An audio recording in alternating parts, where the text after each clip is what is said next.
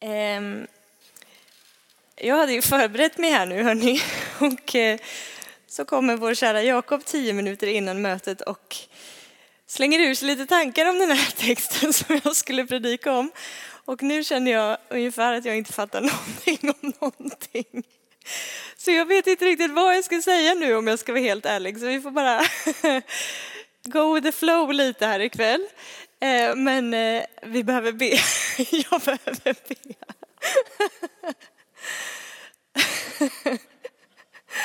Gud i himmelen. Tack att du har koll på läget Fader. Herre, tack att det finns ett ord till oss i den här stunden. Helige Ande, tack att du vill tala till dina barn ikväll. Tack att du är en Gud som kommunicerar, Herre. Tack att ditt ord är levande och verksamt, Herre. Ditt ord går ständigt ut ifrån din mun för att verka i oss, för att, för att forma oss, för att eh, helga oss, för att göra oss mer lika dig, Herre. Eh, så vi vill, vi vill ta emot ditt ord, Herre. Vi vill närma oss ditt ord i ödmjukhet, Gud. Och på något sätt bara liksom bekänna för oss själva att det, det, är inte vi som ska behärska ditt ord, utan det är ditt ord som ska behärska oss. Så vi underordnar oss ditt ord, Herre. Vi välkomnar dig. Vi välkomnar dig i den här stunden att eh, säga det som du vill säga. Att tala till våra hjärtan. Herre, vi, vi sätter oss bara med, med öppna hjärtan just nu.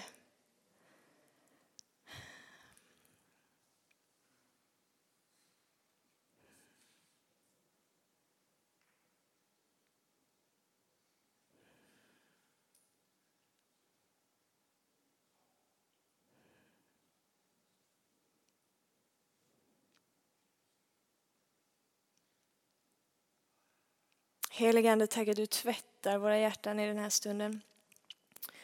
Du renar oss igen.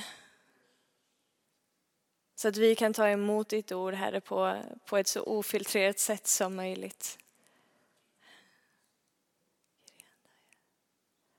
Tack att du lyfter, du liksom lyfter av dig i den här stunden så att vi igen liksom kan, kan se klart, Herre. Tack att du skärper våran blick, Gud tvättar vårt hjärtas vindruta så att vår våran blick blir skarp igen, så att vår blick blir, blir klar igen.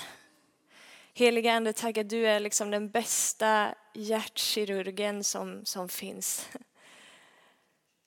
Du verkar och opererar liksom i våra hjärtan och ställer till rätta det som kanske har blivit skevt eller det som har blivit trasigt. Och du liksom fixar tillbaka vårt hjärtas kompass igen rätt på dig. Tack att du är den som kan tillrättavisa oss med en sån varsam hand att vi samtidigt bara känner oss så älskade.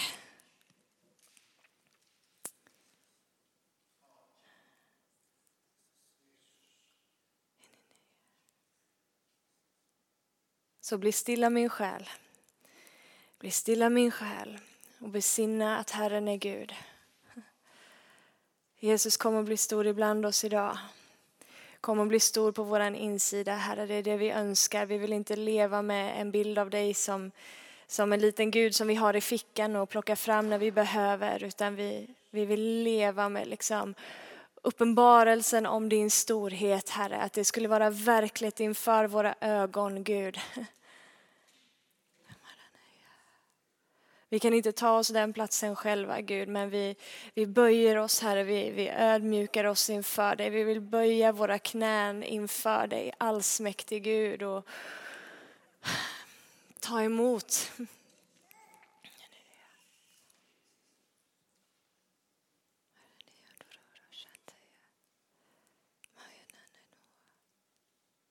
Tack att du den här stunden också lyfter av eh, ok på axlar som, som tynger ner. Du säger kom till mig alla ni som är tyngda av bördor och jag ska ge er vila. Så vi kommer till dig i den här stunden just nu och, och, och vi liksom ger dig ger dig de där bördorna, vi ger dig de där oken, vi låter dig lyfta dig av våra axlar. Och du säger ta emot av mig. mitt ok är milt och min börda är lätt. Lär av mig. Så vi tar emot det som, det som du vill ge istället, Herre. Tack för det heliga utbytet. Liksom. Vi får ge dig våran skit och du ger oss av ditt goda.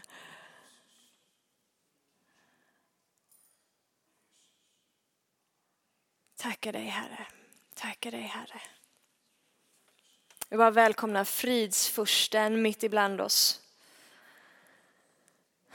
Prince of Peace, take your place. Ta din plats mitt ibland oss. Tack att du kommer in i rummet där förändras allt, där förvandlas allt. Där får ångest böja sina knän och bytas till frid. Där får stormar stillas och bytas till fullständig frid. Oro får böja sina knän, fruktan får böja sina knän, förvirring får böja sina knän för namnet Jesus just nu. Välkommen heliga Ande att göra det ibland oss.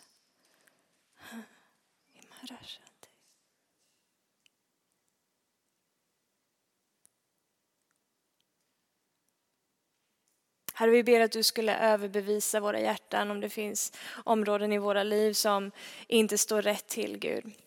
För vi vill leva i omvändelse, Herre. Vi vill inte leva i ignorans liksom, eller eh, på något sätt eh, försöka dra nytta på ett felaktigt sätt av din nåd, Herre. Utan vi vill leva i omvändelse, Herre. Vi vill leva i ödmjukhet, Gud. Skapa i oss ett ödmjukt hjärta, Herre. Hjärtan som lever tillvända dig. Hjärtan som ropar och längtar efter gemenskapen med dig mer än någonting annat, Herre. Ett har vi begärt ett har vi begärt, att vara med dig Gud. Har vi dig så frågar vi inte efter någonting på jorden, så ställ tillbaka vårt hjärtas kompass vid dig Gud. Hmm.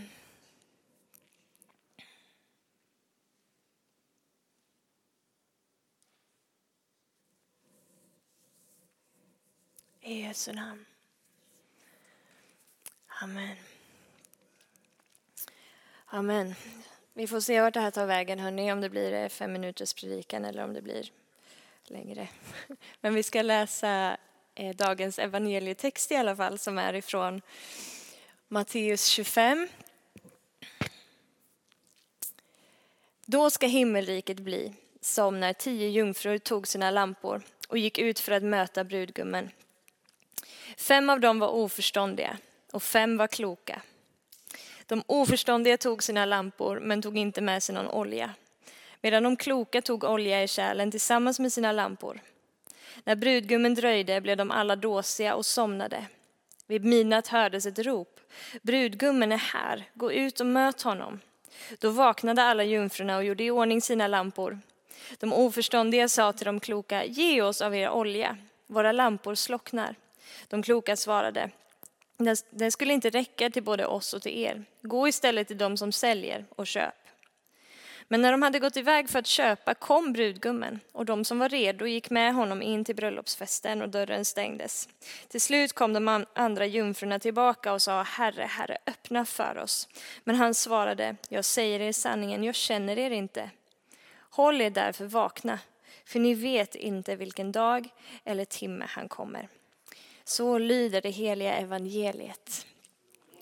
Vare du Kristus. Eh, ja, vi är inne i eh, kyrkoårets texter som ni vet och eh, i den sista tiden nu, så de sista eh, veckorna här nu bakåt så har temat haft någonting med, med evigheten att göra. Eh, Jesu andra tillkommelse att göra. Och eh, idag är näst sista, sista söndagen faktiskt i kyrkoåret. Sen går vi in i, i adventstiden igen som är liksom startskottet. Men så nu så rör vi oss alltså fortfarande kring det som har med, eh, med Jesu återkomst att göra. Eh, så den här texten handlar liksom om det, det behöver vi ha bara i åtanke. Eh, Jesus ger den här liknelsen till sina lärjungar.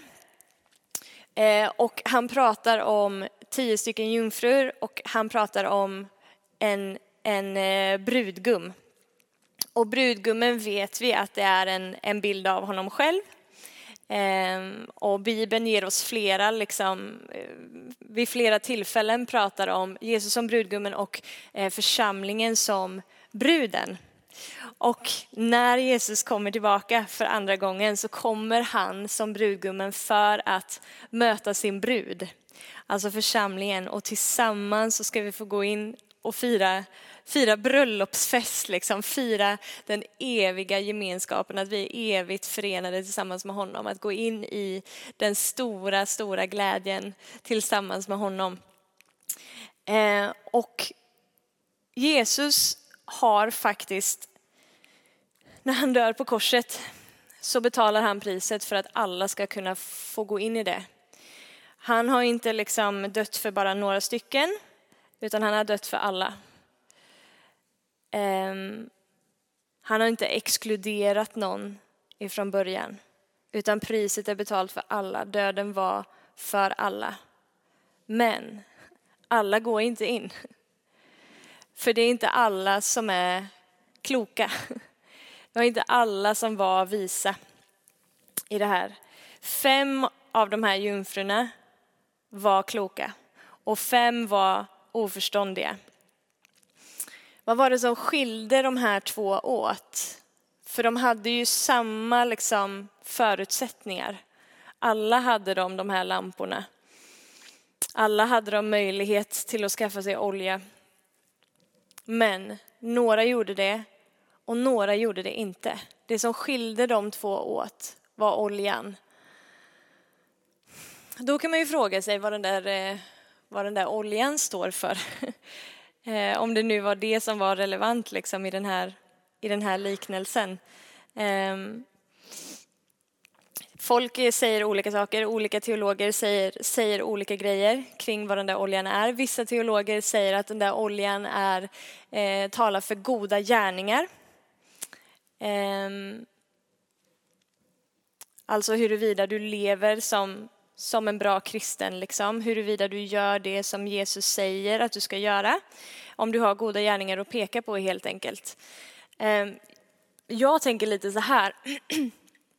Ni vet att alltså, så fort, så, vilken bibeltext man än har att göra med, liksom, om man rycker den ur sitt sammanhang och bara börjar prata kring den så skulle man kunna bygga, bygga liksom, vilken snurrig teologi som helst runt den texten. Så vilket bibelsammanhang vi än har att göra med så måste man alltid väga skriften mot skriften. Liksom. Alltså Bibeln måste få tolka sig själv. Eh, läser man ett bibelord och liksom inte fattar, men då, då går man till andra bibelställen liksom och bara okej, okay, vad säger Bibeln här? Vad säger Bibeln här? Vad säger Bibeln här? Så Bibeln måste få tolka sig själv. Eh, och så även i det här fallet. Så mina tankar går så här då, när folk säger att ja, men den här oljan den har bara med gärningarna att göra. Liksom, att ja, men jag har levt ett gott liv, liksom, jag, jag har gjort det som är bra. Eh, då tänker jag på det som står i Efesierbrevet kapitel 2 och vers 8-9. Av nåden är ni frälsta genom tron, inte av er själva. Guds gåva är det. Inte på grund av gärningar för att ingen ska berömma sig. Ganska klart, tänker jag att det är. Eh, dina gärningar är inte det som frälser dig. Liksom. Dina gärningar är inte det som avgör huruvida du får gå in och fira bröllopsfest tillsammans med det där lam, med, med brudgummen, alltså lammet Jesus. Det hänger inte på dina gärningar. Eh, och om det inte är dina gärningar som, som är avgörande för din frälsning, alltså din, liksom din destination i evigheten, så är det inte heller dina gärningar som tar dig ut från den platsen och inte dina icke-gärningar heller för den delen. Av nåden är ni frälsta genom tron, inte av gärningar för att ingen ska kunna eh, berömma sig.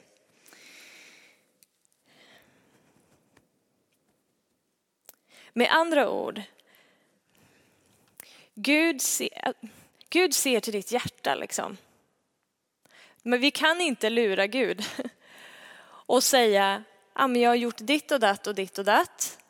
Så nu får jag gå med dig. Och han bara, mm, kul för dig, men jag känner inte dig. Han vet vad som pågår här på insidan i oss. Och det kan man ju antingen tycka är lite läskigt eller så kan man se det som den största tryggheten, att han faktiskt har koll på mitt hjärta.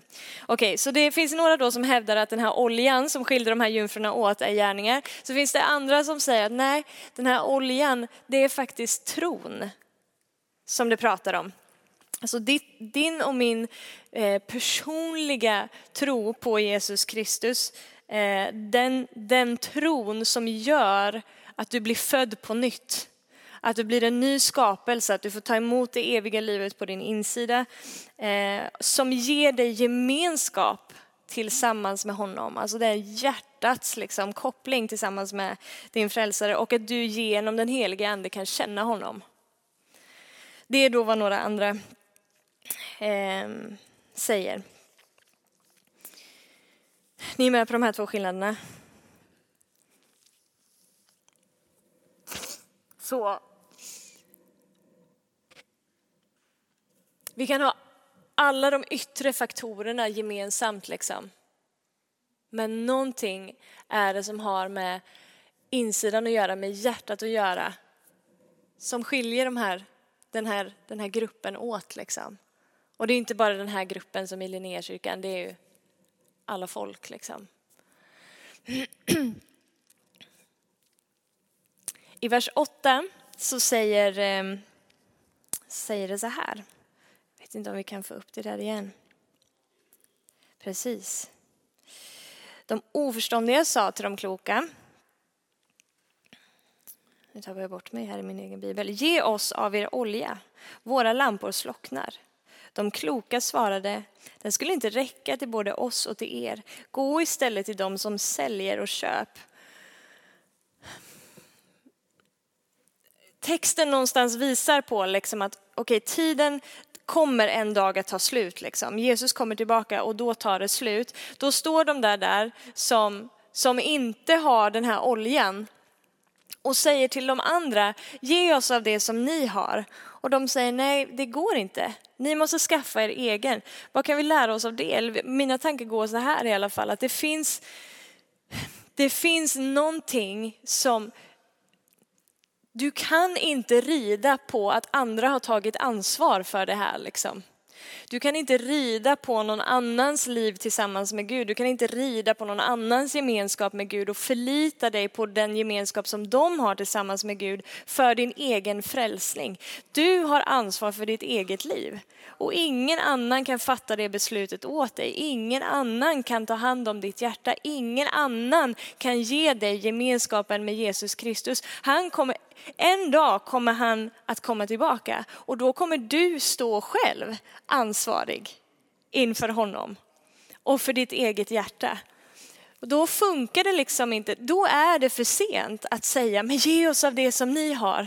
Nej, ni har haft chansen. Men nu stängs dörren. Ni har haft den här tiden. Och nu är den slut. Ta hand om ditt, ta ansvar för ditt eget hjärta, ta ansvar för det som, som Gud har berett. Han har berett en frälsning för alla, han har betalt för alla. Han har inte gjort skillnad på någon i det verk som han har gjort. Och var och en får avgöra, vill jag ta emot det eller vill jag inte? Och väljer jag att jag inte vill det, då kan jag inte liksom förhäva mig över att någon annan vid min sida har gjort någonting bra. Eller att jag själv har gjort goda gärningar för den delen heller. Ja, det är upplyftande ord det här. Det är, men det är, på, det är ah, på riktigt liksom. Det är Jesu ord. No joke. vad är poängen som Jesus eh, någonstans gör med den här berättelsen? Alltså det finns säkert hur mycket detaljer som helst som man skulle kunna dyka ner i det här och som jag liksom inte har förståelse för ännu. Eh, men i sista versen eh, i Matteus här, jag vet inte om vi kan få fram den kanske. Håll er därför vakna Håll er därför, varför? Jo, på grund av det som jag precis har sagt här innan. Håll er därför vakna, för ni vet inte vilken dag eller timme han kommer. Håll er vakna, vaka. Vi som har valt att liksom ta emot det som han har gjort för oss på korset. Vi som någonstans har, vi som är de visa, de förståndiga jungfrurna som har, som har olja i våra lampor, som har gemenskapen med Gud. Vaka, håll er vakna. Det innebär inte så här, gå inte och lägg dig på kvällen, du måste sitta uppe hela natten. Det är ju en annan slags vakenhet vi pratar om. Det innebär inte heller att så här, gå upp och ställ dig på närmsta berg och håll utkik i molnen för att se när han kommer tillbaka. Vi, vi pratar om en, en, liksom, en andlig vakenhet här. En, en alerthet på din insida av att liksom leva förberedd, av att inte leva i liksom, eh, förnekelse eller liksom uppskjutande i din egen tanke av att den här verkligheten faktiskt en dag kommer att inträffa. Eh, och här, nu kanske jag springer, springer i förväg lite, men Det är en strid om ditt och mitt liv när det kommer till den här vakenheten. Vi befinner oss mitt liksom i en andlig verklighet, mitt i en andlig strid och det finns krafter som försöker få dig och mig att inte vara så på alerten. Att slumra liksom, att slumra i vårt andliga liv. Eh, och det där behöver vi vara lite, lite medvetna om. Eh, men hur, liksom, hur håller vi oss då vakna? Vad, vad innebär det här? Jag tänker att vi kan få liksom några, eh, några led. Det är ju inte supertydligt utifrån den här liknelsen exakt vad det innebär förutom liksom att du behöver se till att du, att du blir född på nytt, liksom, att du har gemenskap med, med Jesus. Men, men sen då? Vad innebär det att, vara, att hålla sig vaken? Om man fortsätter att läsa lite runt omkring just den här liknelsen, det som texterna sen pratar om, eh, så pratar Jesus på flera olika sätt om att förvalta. Om att förvalta sina talenter eller att förvalta sitt, sitt pund, det som man har blivit given. Liksom. För någonting har blivit dig och mig givet i och med frälsningen. Och Gud som är kärleksfull och god och nådefull och allsmäktig, han förväntar sig av dig och mig att vi ska ta hand om det som han har gett oss. Och det kan ju också kännas lite så här, wow, ska du komma och säga att Gud lägger massa krav på oss nu? Hur går det ihop med att Gud är god? Eller så här. Jag vet inte hur det går ihop, men Gud är också helig och Gud håller oss ansvariga. Liksom. Han har satt någonting i våra händer och han tar det här seriöst. Med den största glädje, men han tar det seriöst. Och vi behöver någonstans också ta det på allvar med glädje, men vi behöver ta det på allvar. Det är liksom inte bara så här att vi i största allmänhet leker en liten kristen lek ett tag och tycker det är mysigt att gå till kyrkan på söndagar. Vi går mot en verklighet när Jesus kommer tillbaka. Vi ska stå inför det liksom. Och då kommer frågan komma. Dels så kommer Gud liksom skilja fåren från getterna. Liksom. Vilka känner honom och vilka känner honom inte? Vilka har valt att ta emot och bli födda på nytt och vilka har inte valt det? Och de som har valt att ta emot och bli födda på nytt, vi kommer få stå ansvariga för vad har vi gjort med det som vi har fått? Och utifrån det så finns det en belöning som väntar oss. Det som ditt liv som du lever här och nu kommer att eka i evigheten. Det har inte bara att göra med, med just här och nu, det har ett evigt värde.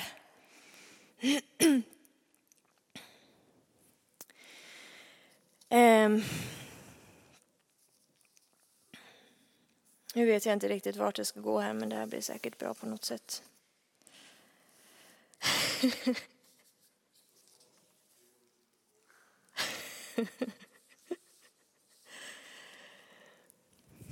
Gud förväntar sig av oss som har olja i våra lampor, vi som var, var de fem visa jungfrurna.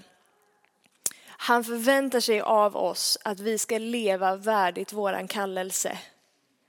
Och kanske det är så att idag liksom att han bara vill så här, ah, skaka om oss lite grann liksom och bara Vet du vad du har fått liksom? Vet du vem du är? Vad gör du med det som du har fått i dina händer? Vad gör du med det som jag har liksom deponerat i ditt liv? Vet du om att du har liksom himlen på din insida? Hur förvaltar du det min vän? Vad tänker du om det liksom? Hur sätter du det här i rörelse?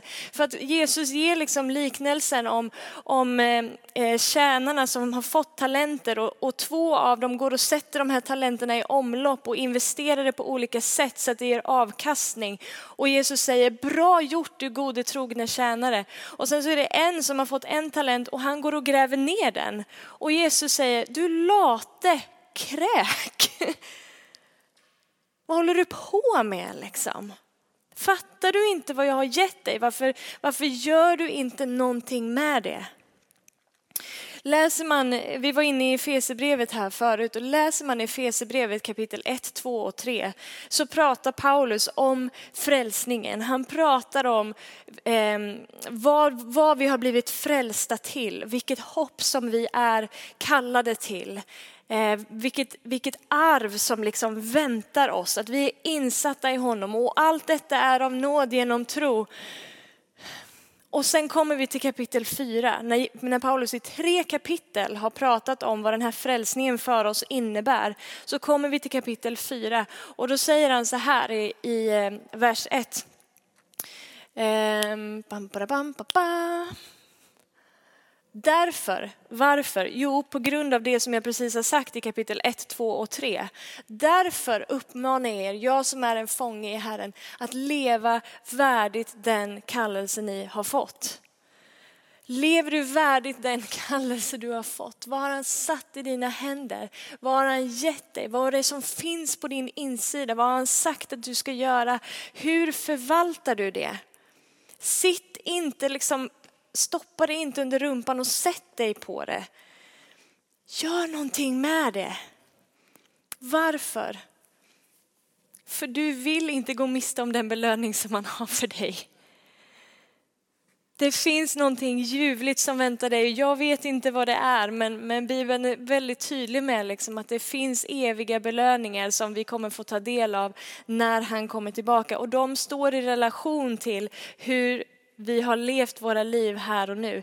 Det är inte dina gärningar eller liksom ditt fina, duktiga kristna prestationsliv som, kommer, som är frälsningsavgörande, huruvida du spenderar evigheten med honom eller inte.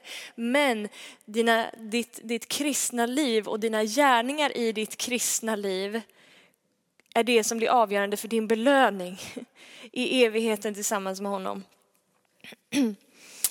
Eh, I första Johannesbrevet kapitel 3 och vers 3. så står det så här, och var och en som har det hoppet till honom, vilket hopp? Jo, hoppet om våran frälsning, hoppet om att han ska komma tillbaka, renar sig liksom han är ren. Kopplat till att leva värdigt sin kallelse. Renar sig avskiljer sig. Insikten i att vi är avskilda, att vi är helgade, att vi är liksom utvalda. Man, man, man lever inte på vilket sätt som helst. När man har med honom att göra. När man har den helige ande i sig, då lever man inte på vilket sätt som helst. Och jag vill inte säga, åh den här balansgången är så svår för jag vill inte stå och bara så trycka ner någon i skorna och liksom komma med fördömelse eller så här. Men på riktigt, det här är Guds ord liksom. Han är ganska allvarlig. Vet ni vad ni har fått? Snälla, gör någonting med det. För det väntar er en väldigt, väldigt stor glädje.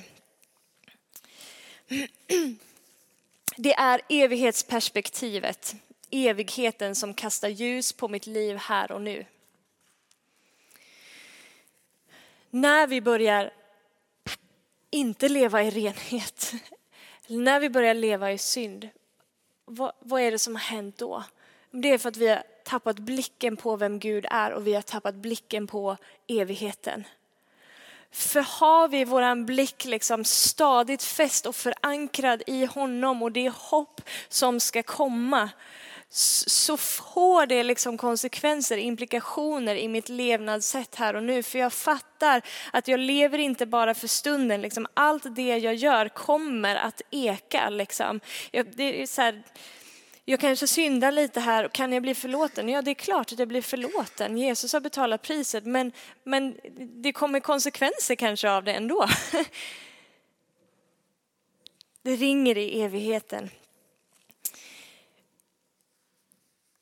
Jag vet inte om du, jag har ibland faktiskt lekt med tanken, jag vet inte om du har gjort det, men hur skulle du leva idag om du visste att Jesus skulle komma tillbaka imorgon? Och nästa fråga blir då, så här, hur vet du att han inte kommer tillbaka imorgon? Vi vet inte när han kommer. Det är ingen utom Fadern som vet. Men hur skulle jag leva idag om jag visste att han kom tillbaka imorgon? Sådana här frågor ställs ju lite på sin spets också. Alltså när, jag vet inte om ni har haft någon i er närhet liksom som har fått ett dödsbesked och du har 30 dagar kvar att leva. Och hjälpars, vad ska jag göra med de 30 dagarna? Och likadant är det i livet tillsammans med Gud. Någon har sagt så här någon gång. Planera som att du ska leva för evigt, men lev varje dag som att det vore den sista. Kanske det ligger någonting i det i det här sammanhanget. Om du lever med perspektivet av Jesu återkomst som verkligt så kommer det att få konsekvenser i ditt liv här och nu. Ditt liv här och nu kommer att påverka din evighet. Det finns en belöning som väntar.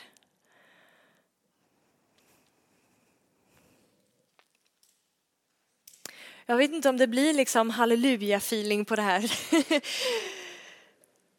Det är ett allvarsamt budskap men det är också halleluja. Det är hopp. Det är hopp. Så heliga Ande, jag ber att du skulle liksom skaka om oss lite i den här stunden. Ruska om oss Herre, väck oss ur våran slummer Gud. Vi vill inte, vi vill inte leva liksom eh, omedvetna, vi vill inte leva i likgiltighet eller eh, att vi skjuter upp liksom det här i våran tanke här, utan vi vill, vi vill, eh, vi vill vara klarsynta på det här området Gud. Och vi vill vara goda förvaltare av det som du har, av det som du har gett till oss. Vi vill, vi vill ta emot dig i ödmjukhet, Herre. Så tacksamma för frälsningen för det första. Så tacksamma för det eviga livet på vår insida. Så tacksamma för gemenskapen med dig, Herre. Och vi vill göra allt vi kan för att vårda den gemenskapen med dig, Herre, ända tills du kommer tillbaka. Låt oss inte slumra på det området, Gud. Utan vi vill, vi vill leva liksom i hjärta till hjärta intimiteten med dig, Herre. ta hand om och ta ansvar för vårt eget liv när det kommer till den gemenskapen och, och i förlängningen också då ta ansvar för att, att göra med det som du har satt i våra händer, det som du vill att vi ska göra, Herre. Hjälp oss att leva med det evighetsperspektivet, Gud. Hjälp oss att inte liksom, vi vill inte vara barn av vår tid i bemärkelsen att vi bara lever för stunden, att vi bara har nuet för våra ögon, att vi lever för liksom instant gratification eller liksom att vi måste ha liksom omedelbar tillfredsställelse, Gud. Vi vill inte leva på det sättet, Herre. Vi vill leva med det eviga perspektivet, Gud. Där vi förstår att det som vi handlar, det sättet som vi lever på kommer att, kommer att eka i evighet evighet och ingenting kan döljas för dina ögon, Herre. Jag är så tacksam att det är du, Gud, som rannsakar oss. Du som läser våra hjärtan, du som känner oss, det är du som prövar våra hjärtan, Herre. Och att du är så otroligt nådefull Gud. Att du om och om igen bara kommer och älskar oss, om och om igen kommer och omfamnar oss, om och om igen liksom bara drar oss in i din närhet Herre. Så otroligt tacksamma för det Herre. Tack att vi inte behöver drivas av fruktan i någonting utan vi får drivas av din ande. Och där din ande är, där är frihet. Där din ande är, där finns det hopp. Där din ande är, där finns det glädje. Och där din ande är, där är också rättfärdighet Herre. Så vi vill rena oss, vi vill, vi vill helga oss för dig. I Jesu namn. Amen.